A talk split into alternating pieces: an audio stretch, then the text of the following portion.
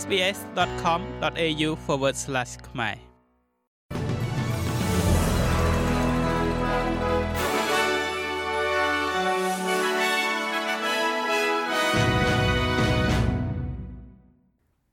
សូមស្វាគមន៍មកកាន់នេតិព័ត៌មានខ្លីៗរបស់ SBS ខ្មែរសម្រាប់ថ្ងៃច័ន្ទទី11ខែកញ្ញាឆ្នាំ2023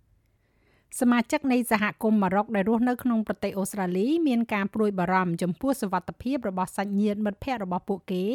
ខណៈដែលចំនួនមនុស្សស្លាប់បន្ទាប់ពីការរំជួយដីកម្រិត6.8 Richter កាលពីថ្ងៃសុក្របន្តកើនឡើងមានមនុស្សជាង2100នាក់ហើយត្រូវបានបញ្ជាក់ថាបានស្លាប់ដែលធ្វើឲ្យវាคล้ายទៅជាការរំជួយដីដ៏សាហាវបំផុតដែលបានវាយប្រហារប្រទេសម៉ារ៉ុកក្នុងរយៈពេលជាង6ទសវត្សរ៍មកនេះ។ ប្រទេសម៉ារ៉ុកបានប្រកាសកាន់ទុករយៈពេល3ថ្ងៃហើយស្ដេចមហាម៉េតទី6បានអំពាវនាវឲ្យមានការបួងសួងដល់វិញ្ញាណក្ខន្ធអ្នកស្លាប់ដែលត្រូវធ្វើឡើងនៅឯវិហារអ៊ីស្លាមនៅទូទាំងប្រទេសរដ្ឋាភិបាលម៉ារ៉ុកបានប្រកាសពីមូលនិធិពិសេសមួយដើម្បីចាត់ចែងផលប៉ះពាល់នៃការរំជួយដីនេះមូលនិធិនេះនឹងចំណាយសម្រាប់កម្មវិធីស្ដារនីតិសម្បទាជាបន្ទាន់ជួសជុលផ្ទះដែលរងការខូចខាតនិងផ្ដល់ជំនួយដល់អ្នកដែលគ្មានទីជម្រកនិងអាហារ។ អង្គការសហប្រជាជាតិនិយាយថាមនុស្សយ៉ាងហោចណាស់3សែននាក់នៅទីក្រុង Marrakech និងនៅជីក្រុង បានរងផលប៉ះពាល់ដោយសារតែការរំជួយដីនេះនៅក្នុងប្រទេសវិញគណៈបក Labor និងគណៈបក Greens បានធ្វើកិច្ចព្រមព្រៀងមួយដើម្បីអនុម័តទៅលើមូលនិធិលំនៅឋានចំនួន10,000លានដុល្លាររបស់រដ្ឋាភិបាលនៅចុងសប្តាហ៍នេះ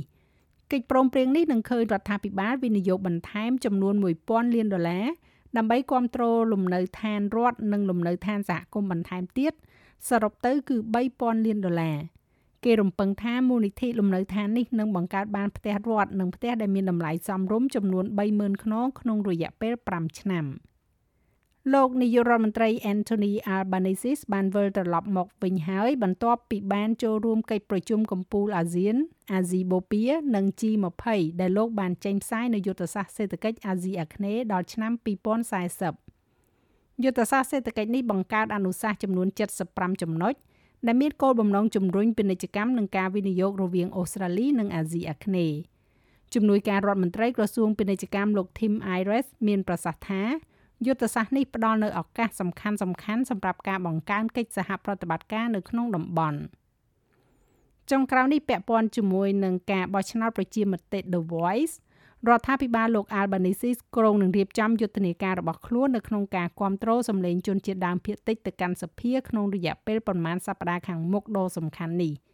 រដ្ឋមន្ត្រីក្រសួងបរិស្ថានលោកស្រី Thanya Plibersik បានប្រាប់ទូរទស្សន៍ប៉ូលីស7 ថាវានឹងមានសារៈសំខាន់សម្រាប់អ្នកធ្វើយុទ្ធនាការ Yes ក្នុងការបញ្ចុះបញ្ចូលអ្នកដែលមិនទាន់សម្រេចចិត្តអំពីសំណើនេះនៅក្នុងពេលជាមួយគ្នានោះសមាជិកព្រឹទ្ធសភាបក Liberal លោក Matt Canavan កំពុងតែអំពាវនាវឲ្យរដ្ឋាភិបាលផ្ដល់នូវព័ត៌មានលម្អិតបន្ថែមទៀតនៅមុនការបោះឆ្នោតប្រជាមតិទៅកាន់សភានេះការរិះគន់នេះកើតឡើងនៅពេលដែលកម្មវិធីបោះឆ្នោតតាមប្រៃសណីឬយើងហៅថា postal vote សម្រាប់ការបោះឆ្នោតប្រជាមតិនេះបានបើកហើយនៅថ្ងៃនេះគឺថ្ងៃទី11ខែកញ្ញាលោក Hanavan និយាយថាប្រជាជនអូស្ត្រាលីបច្ចុប្បន្នមិនមានព័ត៌មានចាំបាច់ដើម្បីអាចធ្វើការសម្រេចចិត្តជាមួយនឹងព័ត៌មានលម្អិតបានទេការបោះឆ្នោតតាមប្រៃសណីគឺជាជំរើសមួយនៅក្នុងចំណោមជំរើសសម្រាប់ការបោះឆ្នោត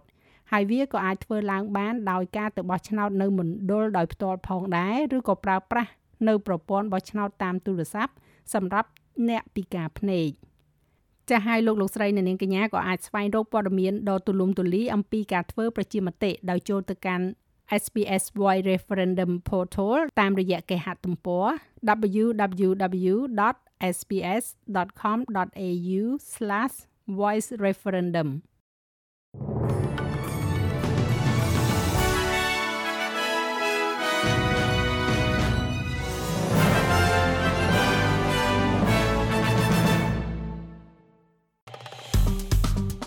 ចុច like share comment និង follow SPS ខ្មែរនៅលើ Facebook